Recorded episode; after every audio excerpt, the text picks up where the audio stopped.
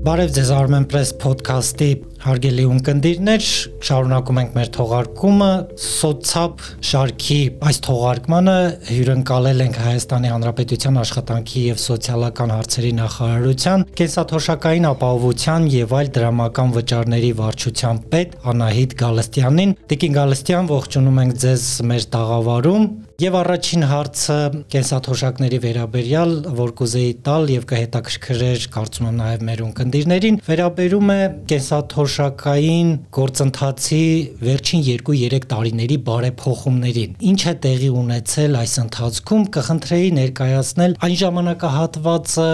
որը նշանակալի է Շատ լավ, բարև ձեզ։ Կենսաթշակային ապահովության ոլորտում փոփոխությունները անընդհատ կատարվում են։ Դրանք տարաբնույթ են, բայց հիմքում ունեն մի նպատակ՝ հնարավորինս գործընթացները բարձեցնել, կենսաթոշակի իրավունք տվող պայմանները հստակեցնել։ Վերջին 2-3 տարիներին կոնկրետ եթե մենք անդրադառնանք, պիտի ասեմ, որ էական են եղել արցանց դիմումների հիման վրա իրավունքի իրացման հնարավորությունները։ Այսինքն անձը պարտավորություն չունի ներկայանալու որևէ պետական մարմին։ Մենք այս համակարգը, այս արցած դիմումների համակարգը օրինակ ներդրել ենք, երբ անձին պետք է վճարման եղանակը փոխի, երբ աշխատող անձը դիմում է կենսաթոշակը վերահաշվարկելու համար։ Այսինքն արցանց համակարգը ներդրվում է ընդհանուր առմամբ։ Այն դեպքերում, երբ որ տեղեկատվությունը, որ անհրաժեշտ է քաղաքացու իրավունքն իրացնելու համար, պետական մարմինների որևէ մարմնի կողմից արդեն իսկ տիրապետվում է։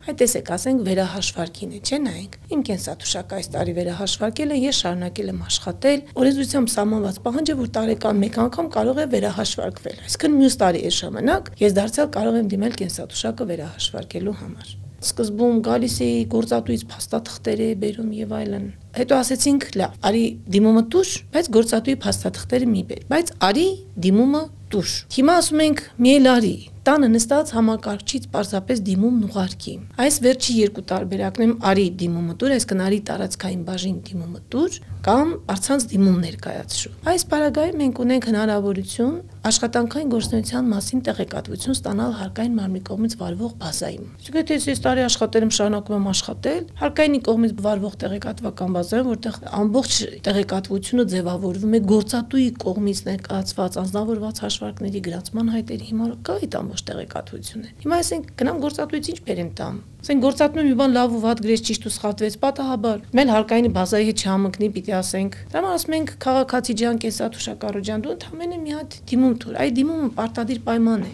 Իրավունքի իրացման համար քաղաքացու դա կամ արտահայտության դրսևորումն է։ Մի կարող հարցնել, լավ, այդ ո՞ր մի խելոքը չի ուզենա, որ իր կենսաթուշակը վերահաշվարկեն, մի քիչ էլ ավելանա։ Պատկերացեք լինում են դեպքեր, որ քաղաքացու նպատակահարմարը որ վերահաշվարկեն, ոչ թե հիմա, այլ 1-2 ամիս հետո։ Ասենք էլի ինտրամաբանությունը ո՞րն է 1-2 ամիս հետո։ Տեսեք, քաղաքացին ունի ենթադրենք թե պայմանական թվեր ասեմ, հա, 40 տարի 4 ամիս աշխատանքային ստաժ։ Մենք նրա կենսաթոշակը հաշվարկում ենք 40 տարվա ստաժով։ Դարձյալ օրենսդրությամբ հստակ սահմանված է։ Միջև 6 ամիսը դեպի ներքև է կլորացվում, 6 ամսից բարձրը դեպի վերև է կլորացվում։ Այսինքն 40 տարի 5 ամիս 28 օրը դա 40 տարին է, 40 տարի 6 ամիս 1 օրը դա 41 տարին է։ Հիմի իմ ստաժն էլ 40 տարի 4 ամիս է։ Եղբայր ես չեմ ուզենա ամեն անգամ ասենք թե այդպես լինի։ Կարող ուզեմ մի տարի 2 ամիս հետո դիմեմ, որ իմ ստաժը արդեն մի տարի 2 ամսով ավելանա, եւ ես ոնց որ մի սանդղակ վերև կգնամ։ Այսինքն այս դեպքերն են հիմնական իհարկե քաղաքացին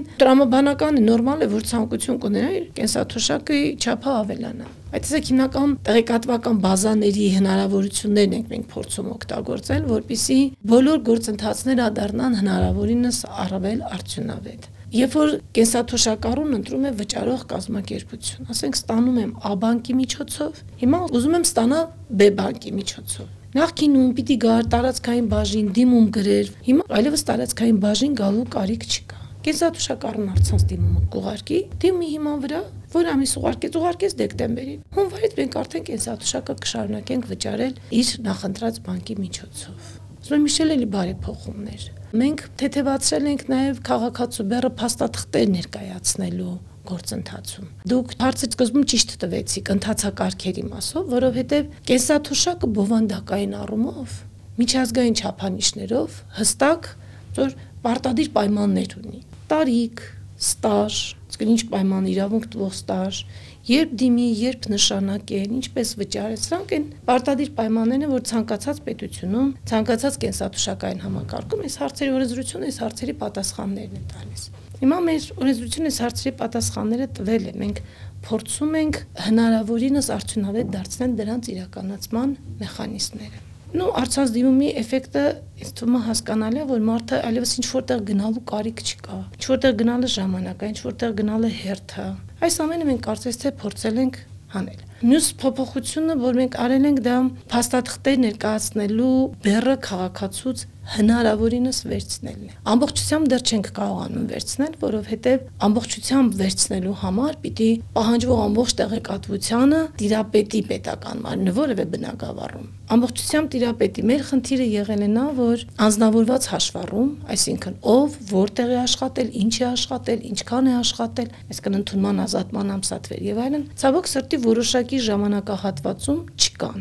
Եվ ստիպված ենք այդ ժամանակահատվածների աշխատանքային գործունեությունը հաստատել արխիվային փաստաթղթերով։ Իսկ դա ով է ձեռք բերում նախարարությունը թե։ Այս դա եմ ասում, որ հաջորդ որ փորձել ենք թեթևացնել քաղաքացու բեռը, որ արխիվային հարցումները կատարում է ծառայությունը։ Միասնական սոցիալական ծառայությունը, որը նաև կենսաթոշակ նշանակող եւ վճարող պետական մարմինն է։ Հիմա ասենք քաղաքացին կարող է գալ հայտարարությունը տալ, որ սա իհարկե մի փոքր ավելի վաղ ենք դրել այս համակարգը։ Քաղաքացին կարող է դալ դիմում տալ, որ գրքույկս կորցրել եմ։ Բայց ես հիշում եմ, որ այս ինչ թվից այն ինչ թիվն աշխատել եմ այս գործատուի մոտ, այն ինչ թվից այն ինչ թիվն աշխատել եմ այս գործատուի մոտ։ Ներգրավոր հայտարարությունը կտա հայտարարության հիման վրա մենք համապատասխան փաստաթղթերը արխիվից կփորձենք ունենալ։ Երբեմն արխիվում էլ չեն լինում փաստաթղթերը, ու արխիվը ասենք մեզ տեղեկացնում որ կարող եք հարցում կատարել այսինչ գործատուի մոտ։ Եթե իհարկե տիրապետում է տեղեկատվությանը, տալիս է գործատուի տվյալները։ Մենք հարցում ենք անում նաև գործատուին, այս վերջի փոփոխություններով ամրագրեցինք, որ հարցումներ ենք անում գործատուին։ Տեսեք, երբեմն խնդիրներ է առաջանում, երբ տվյալ աշխատատեղը փակված է շատ վաղուց, տարիներ առաջ, եւ այդ փաստաթղթերը կորցնելու դեպքում հարցում է կատարվում սակայն գործատուն գոյություն չունի կամ աշխատատեղը գոյություն չունի։ Այս դեպքում ինչ որ կարգավորման մեխանիզմ կա։ Հա, ցավալի դեպքերից մեկն եք նկարագրում։ Տեսեք, դրա համար մի հատ այդ փաստաթուղթը եկեք ավելի առարկայական դարձնենք, հա։ Ինչ փաստաթուղթ։ Մարդու աշխատանքային գործունեությունը հաստատվում է առաջին հերթին աշխատանքային գրքույկով։ Ես երբեմն ասում եմ դա մարդու աշխատանքային անձնագիրն է որ պիտի ունենա։ Աշխատանքային գրքույկի գրառումներ կատարելու պահանջը գործատուի կողմից 17 թվականի հունվարի 1-ն է միջև 2017 թվականի հունվարի 1-ից այլևս որևէ գրառում կատարելու պահանջ գործատուին չի ներկայացված աշխատանքային օրենս գրքում կատարված փոփոխությամբ եւ այդ տեղեկատվությունը վերցնում ենք Պես ասացի, հարկային մարմնի կողմից վարվող տեղեկատվական բազայից։ Հերքես բավական թարմ եմ ասում 17, իսկ ձեր հարցը շատ ավելի հետ գնացող տարբերակում է։ Աշխատանքային գրքույկից բացի լինում են հրամաններ, ընդունման ազատման հրամաններ, աշխատավարձի, գրքեր, տեղեկագրեր։ Այս ամբողջը, ասենք, փաստաթուղթ առարկական այնց այդ են փաստաթղթերը։ Այո, հնարավոր է աշխատել ինչ որ միտեղ եւ այդ կազմակերպությունը լուծարվել է, փակվել է մեր տերմիններով ասած, այլևս չկա։ Այդ այլևս, ասենք կարող է լինել 96 թվականին, օրինակ, ասենք 2004 թվականին, 2018 թվականին։ Վերջապես բիզնես գործընթացներ են եւ կազմակերպությունը ցանկացած ժամանակ կարող է ստեղծվել, միավորվել, չգիտեմ, բաժանվել եւ այլն։ Այ ինչքան ժամկետը հետ է գնում, այնքան խնդիրները բնականաբար մեծանում են, լուծումները դժվարանում են։ Այս դեպքերում են, որ մենք հարցումներ ենք կատարում արխիվ Եթե գործատուն բարեխիղճ է եղել եւ փաստաթղթերն արխիվ է հանձնել, շատ լավ։ Ինքը իր աշխատակիցների հարցերը կարծես թե կարգավորում է։ Բայց կա չէ այն տարբերակը, որ գործատուն արխիվ չի հանձնել փաստաթղթերը։ Այն համար փակել կազմակերպությունի մեջ, որ իր բարդ պահանջը պետության հետ լուծարային հանձնաժողով եւ այլն ու չկա։ Հա, ցավոք սրտի այդ տարբերակները կան եւ օրենքով նախատեսված է, որ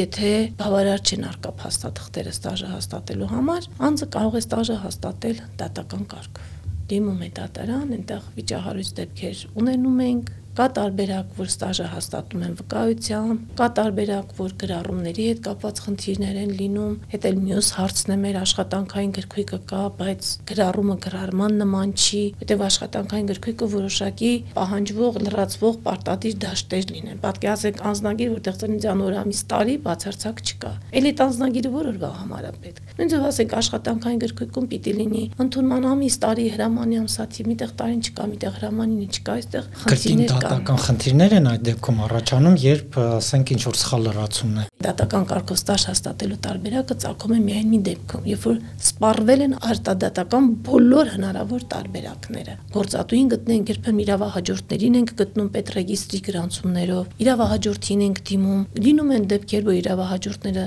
իրավանախորդի վերաբերյալ տեղեկատվություն են տրամադրում են։ Եվ որ ամբողջ այդ արխիվային պրպտումները արդեն դառնում են անիմաստ, արդյունք չեն տալիս, իհարկե մնում է միայն դատական կարգով։ Մենք մի հարց էլ ստացանք մեր ունկնդիրներից, խոսքը վերաբերում է հաշմանդամության թոշակին, այսինքն քաղաքացին թոշակ ստանում էր մինչ այդ եւ արդեն առողջական խնդիրներով պայմանավորված հիվանդանոցում նրան հաշմանդամության կարգ են նշանակել։ Այդ դեպքում թոշակի հավելավճար կամ այլ վճարներ ավելանում են նրա բուն թոշակին, այսպես ասենք։ Հասկացա հարցը։ Եկեք այսպես հարցը մի քիչ ուրիշ տեսանկյունից դիտարկենք, ես իհարկե հարցին պատասխանը կտամ։ Երբ որ անձը ձեռք է բերում հաշմանդամություն, ճանաչում է հաշմանդամություն ունեցող անձ, նա մենակ այդ թոշակի խնդիրը չունի։ Նրան պետությունը պիտի համալիր աջակցություն ցուցաբերի եւ այդ համալիր աջակցության մեջ հավատացեք, որ ոչ միայն առաջին, ես կասեի առաջին մի 5-6 տեղում պիտի կանգնած լինեն այն ծառայությունները, որոնք մատուցվում են հաշմանդամություն ունեցող անձին, որովհետև թոշակի չափը շատ քիչ ինչքան էլ լինի, հաշմանդամություն ունեցող անձ արդեն խոցելի է։ Դեղեր, հետազոտություններ, երբեմն ամենօրյա բարբերական տարիներով եւ այլն այս ամբողջը ավելի շատ ծառայությունների եւ խնդիրը ընդհանրապես իմ կարծիքով, այս արդեն մասնավոր կարծիքն է, հա, հաշմանդամություն ունեցող անձի սոցիալական խնդիրները բարձրացնելուց իհարկե կենսաթոշակը այդ հարցերի շարքում է, բայց իմ կարծիքով առաջի տեղերում պիտի լինի այն աջակցությունը ծառայությունների տեսքով կլինի ինչպես որ կտրամադրվի պետության կողմից այդ անձին։ Իսկ ինչ վերաբերում է կենսաթոշակին, դրանպես կենսաթոշակային օրենսդրությամբ նախատեսված է, որ անձը երբ որ ունի մի քանի կենսաթոշակի իրավունք, ապա նա ինքն է ընտրում, որ տեսակի կենսաթոշակն է ցանկանում ընտրել։ Ձեր բերած դեպքում օրինակում մեզ մոտ օրենսդրությամբ նախատեսված են կենսաթոշակին տրվող հավելումներ, եթե անձը ճանաչվում է, նախկինում ասում ենք առաջի երկրորդ խմբի, հիմա ասում ենք ֆունկցիոնալության խորը եւ ծանր աստիճանի սահմանափակում ունենալուն։ Եկեք առաջի երկրորդով խոսենք, որտեղ նա մի քիչ ավելի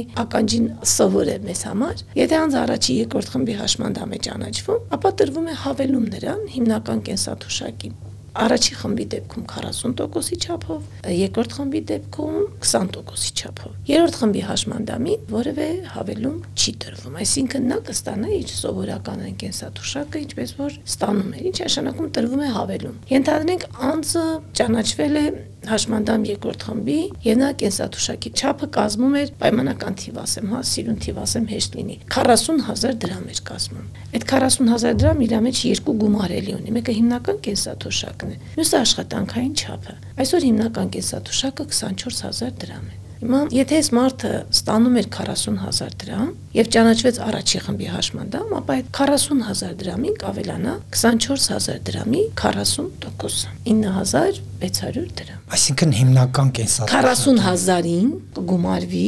24000 դրամի 40%-ը։ Եթե ճանաչվեց երկրորդ խմբի հաշմանդամ, 40000-ին, այսինքն ամբողջ կենսաթոշակի գումարի կգումարվի 24000-ի 20%-ը։ Եթե ճանաչվեց երրորդ խմբի հաշմանդամ, իր 40000-ը կմնա անփոփոխ, որտեղ երրորդ խմբի պարագայում հավելավճար չտրվում։ Հետաքրքիր է եղել այս ողջ ընթացքում նաև աշխատանքային ստաժի հաշվարկը, ինչպես է իրականացվում, այսինքն յուրաքանչյուր տարվա համար այսքան գումար է ավելանում թոշակի։ Այդ ամենահեշտ հարցն է կենսաթոշակի իրավունքն իրացնելուց, որովհետև դժվարն է ստաժը հաստատելն է։ Դուք արդեն նշեցիք մի տարբերակ, որ փաստաթղթերի բացակայություն եւ այլն։ Դժվարը ստաժը հաստատելն է ստաժը հաստատելուց հետո մնացածը հանգիստ եմ ասում են հալած յուղի պես առաջ է գնում, որովհետև տեսեք աղի կտրտված ժամանակահատվածներ կա, չէ՞, աշխատանքային գործունեության։ Աշխատել է 01-ը 03 77-ից մինչև 05-ը 08 78, հետո ինչ որ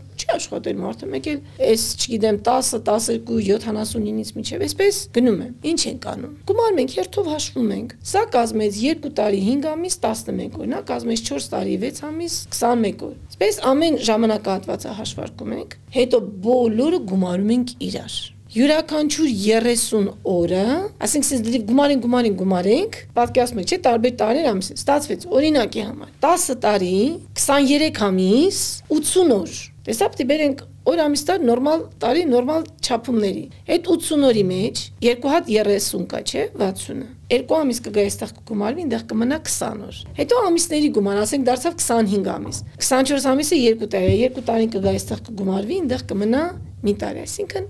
այդ թվաբանական գումարման կանոնն է գործում, որտեղ յուրաքանչյուր 30 օրը համարվում է 1 ամիս, այսինքն թե օրերը 30-ից եղավ 35 օր։ Այն մի 30-ը կգա ամիսի մոտ, ստեղ կմնա 5 օրը։ Յուրաքանչյուր 12 ամիս կհամարվի 1 տարի, ասենք եղավ 36 ամիս, որտեղ տարբեր տարբերներ եք էլի գումարում։ Ղավ 36 ամիս։ Գնաց առաջ դարձավ 3 տարի, ստեղ մնաց 0 ամիս։ Համակարգն է դա հաշվարկում, այդ առաջի 5 ձեռքերով հաշվում։ Հիմա Սկիզբը վերջը ստաժների աշխատակիցը մուտք է անում, համակարգը յուրաքանչյուր ժամանակահատվածը հաշվարկում է, վերջում հանրագումարն է հաշվարկում եւ արդեն կլորացումն է գնում, որ արդեն ասացի, հա, 6 տարուց ավելի դեպի վերևա կլորանում, 6 տարուց ներքևը դեպի ներքև եւ դարձյալ համակարգով հաշվարկվում է կենսաթոշակի չափը։ Մի այստեղ նրբություն ասենք, որ երբեմն մեր կենսաթոշակառներն ասում են, ես այստեղ եմ աշխատել, այստեղ եմ աշխատել, բայց համընկել են այդ ժամանակահատվածները, համատեղությամբ են աշխատել։ Դա իմ ասենք ես 2 տարի աշխատել եմ համատեղությամբ։ Դա 4 տարի չի հաշվում։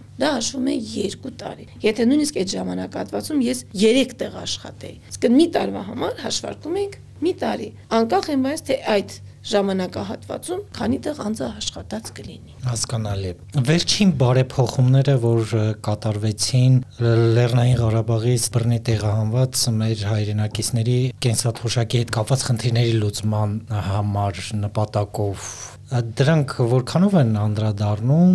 ներկայումս արդեն կեսաթոշակ ստացող Հայաստանի Հանրապետության քաղաքացիների վրա, այսինքն դա ինչ որ մասով վերաբերում է բոլորին, թե միայն տեսեք, որևէ կերպ անդրադառնալ չեն կարող որովհետև կենսաթոշակի իրավունքը միասնական է բոլոր քաղաքացիների համար։ Անկախ այնինչ կատարվեց մեզ հետ, ենթադրենք մինչ այդ էլ Եթե օտարերկրյա քաղաքացին գալիս է Հայաստանի Հանրապետություն, դե ունենք չի ասենք հայրենակիցներ գնում են քաղաքացիություն եւ այլն։ Կամ հիմա հնարավոր է բացառում ենք որ օտարերկրյա քաղաքացին կարող է նաեւ Հայաստանում աշխատել։ Մանավանդ ԱՊՀ այն ժամանակահատվածներն, որ ավելի շատ էին աշխատուժի հոսքերը գալիս էր։ Հիմա ՀՀ քաղաքացի կլինի, թե օտարերկրյա քաղաքացի ունի։ Նախ նրանց ստաժը հաստատվում է նույն կերպ, նույն, որևէ տարբերություն չկա։ Եթե երկուսն էլ ունեն 20 տարվա ստաժ, օրինակ, Հնարավոր չէ Հայաստանի Հանրապետության քաղաքացու համար գումարը լինի A, իսկ օտարերկրյա քաղաքացու համար գումարը լինի B։ Եթե նրանց ստաժերը 20 են, ուրեմն կենսաթոշակի չափը պիտի նույնը լինի։ Հիմա,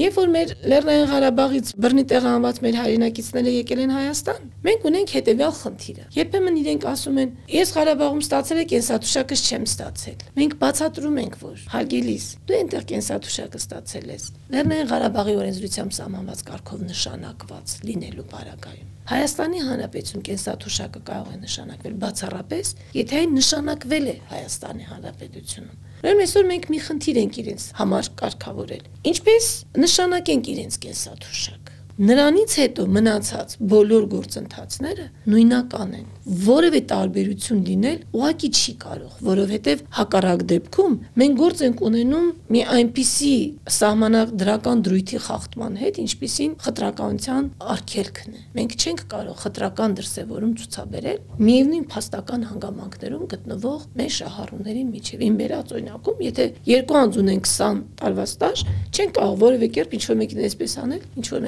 մեկին այնպես անել։ Մենք Լեռնային Ղարաբաղից տեղահանված մեր քաղաքացիների համար ընթացակարգերն ենք փորձել մի քիչ parzեցնել, որpիսի կարողանանք շուրջ 30000 մարդու կենսաթոշակ նշանակել ասենք մի ամսվա ընթացքում, երկու ամսվա ընթացքում։ Համեմատության համար ասեմ, որ մենք նույնքան կենսաթոշակ Հայաստանի Հանրապետություն նշանակում ենք տարեկան։ Տարեկան մոտ այդքան կենսաթոշակ ենք մենք նշանակում։ Հիմա այդ մարդկանց եկեք հասկանանք, չենք կարող ասել, դու սպասի, ես քեզ մի տարվա ընթացքում կնշանակեմ։ Դրա համար ինչ որ առանձնահատկություններ ենք սահմանել, որ այն անձիկ, ովքեր իրենց իրավունքը արդեն իրացրած են եղել Լեռնային Ղարաբաղում, կարողանանք այստեղ հնարավորինս արագ հեշտ ընթացակարգերով կենսաթոշակ նշանակել։ Կան որ արդեն վերականգնել են Դեռ ոչ, դեռ ոչ, որովհետև առաջի դիմումները կարողանանք ընդունել դեկտեմբերի 11-ից, որոշումներն ընդունվել են կառավարության նոյեմբերի 30-ի նիստում, օրենքներն ընդունվել են ավելի վաղ, Կացության կարգավիճակը տրվեց հոկտեմբերի 26-ին իստում, որոշումն ուժի մեջ մտավ հոկտեմբերի 28-ից, այսինքն տեսեք, ասենց համարյա մի ամսվա ընթացքում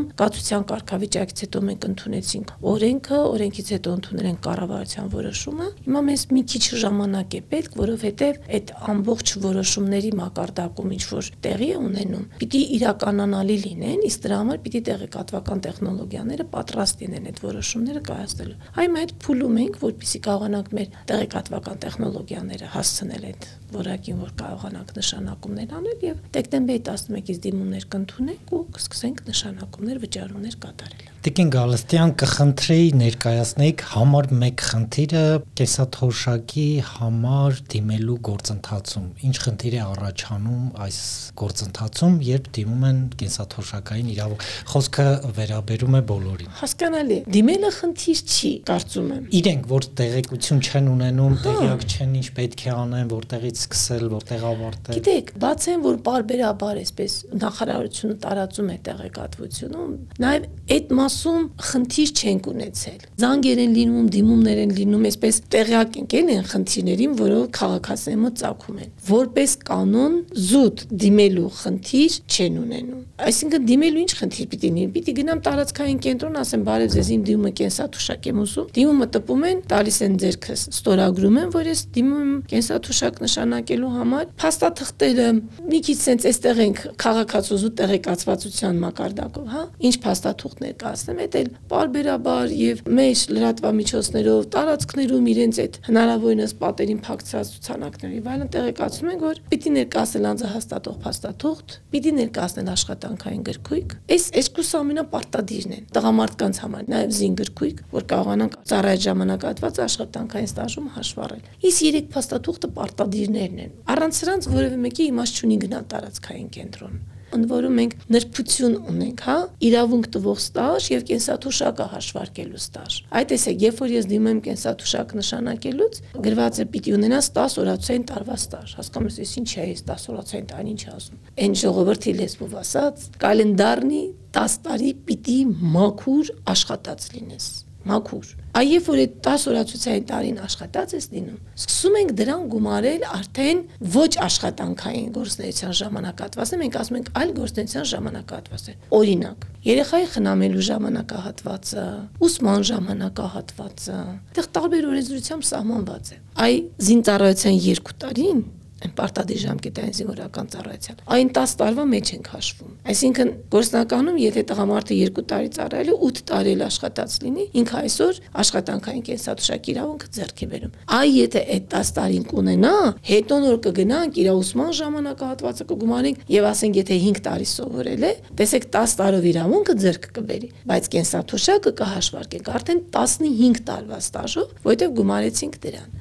Այսինքն այս երեք փաստաթուղթը անձահաստատող փաստաթուղթ աշխատանքային գրքույկ եւ եթե զինվորական ծառայությանն առնչվել է զին գրքույկը պարտադիրներն են սրանից հետո գալիս է մի շարք ըստ անհրաժեշտության ներկայացվող փաստաթղթեր ու այդ անհրաժեշտությունը բացելը մի քիչ արդեն ցանկը շատ երկար կլինի կինը ամուսնանալուց ազգանունը փոխել է վերցնում ենք անուն ազգանուն այստեղ Կարապետյան է աշխատանքային գրքույկում գրված է Նազարյան հիմա ոնց իմանանք որ այս մեր Նազարյանն ու այս մեր Կարապետյանը նույն մարդիկ ենք։ Արդեն անհրաժեշտություն է ցակում ներկայացնելու ամուսնության վկայականը, որի հիման վրա տեսնում ենք, որ Նազարյանը դարձել է Կարապետյան։ Մարդ ընթացքում որոշել է ազգանունից անունից ցանցրացել է, հրաժարվել է, չի ուզել փոխել է։ Արդեն մի հատ լրացիչ փաստաթղթի անհրաժեշտություն է ցակում, որ տեսնենք այս մարդը դե իր փաստաթղթերում արդեն տեղի ունենում անձնական տվյալների փոփոխություն կարողանանք հասկանալ այդ ինչու է, ասենք հաշմանդամության կենսաթոշակի պարագայում, չնայած արդեն տեղեկատվությունը ստանում ենք, բայց նաև հաշմանդամության խմբի վերաբերալ լինի, են կորսնելու դեպքում կենսաթոշակի հարցը։ Պիտի ներկայացնի ով է մահացել, ասենք ինքը այդ մահացողի ինչ ազգակցական կապ ունի եւ այլ։ Իսկ մնացածը ըստ անհրաժեշտության ներկայացվող փաստաթղթերն։ Իսկ հիմնական 3 փաստաթուղթը անձահաստատող փաստաթուղթ, աշխատանքային գրքույկ եւ զինգրքույկ։ Եթե գրքույկին կորելա կամ չեն գտել, հայտարարություն որտեղ են աշխատել, որ թվականներին, որ կարողանանք այդ տեղեկատվությունը հավաքել։ Տիկին Գալստյան կան փոփոխություններ, լրացումներ, բարեփոխումներ, որոնք ներկայում մշակման փուլում են առաջիկա տարվա կամ տարիների համար։ Իհարկե կան մենք մի մեծ փաթեթ ունենք, որը ճիշտ ասած այս պահին պարզապես չի ուզենա մանրամասնեցնել, որովհետև սովորաբար կարծում եմ, ճիշտ չի նախագիծ քննարկելը, որովհետև այդ նախագծում անընդհատ կարող են փոփոխություններ լինել։ Հիմա այսինքն դեռ ինքը այսպես մշակման փուլում է։ Ինչին է միտված կարող ենք։ Կենսաթոշակային ոլորտում բարեփոխումներ ենք, լուրջ փոփոխություններ ենք նախատեսում անել։ Այ դրանք երբ որ մի քիչ արդեն էփած կլինեն, օրենսդրությամբ նախատեսված է պիտի տեղադրել նաև e-draft, այ e-draft որ տեղադրենք, այն ժամանակ արդեն ավելի հստակ հստակ կարող ենք խոսել այդ մասին։ Շնորհակալություն Տիկին Գալստյան հանգամանալից ներկայացնելու համար։ Հարգելի ունկնդիրներ, հիշեցնեմ, որ մեր զրուցակիցն էր Հայաստանի Հանրապետության աշխատանքի եւ սոցիալական հարցերի նախարարության կենսաթոշակային ապահովության եւ այլ դրամական վճարների վարչության պետ Անահիտ Գալստյանը։ Խոսափողի մոտ էր հեղինակ եւ վարող Վան Նովիկովը։ Կհանդիպենք։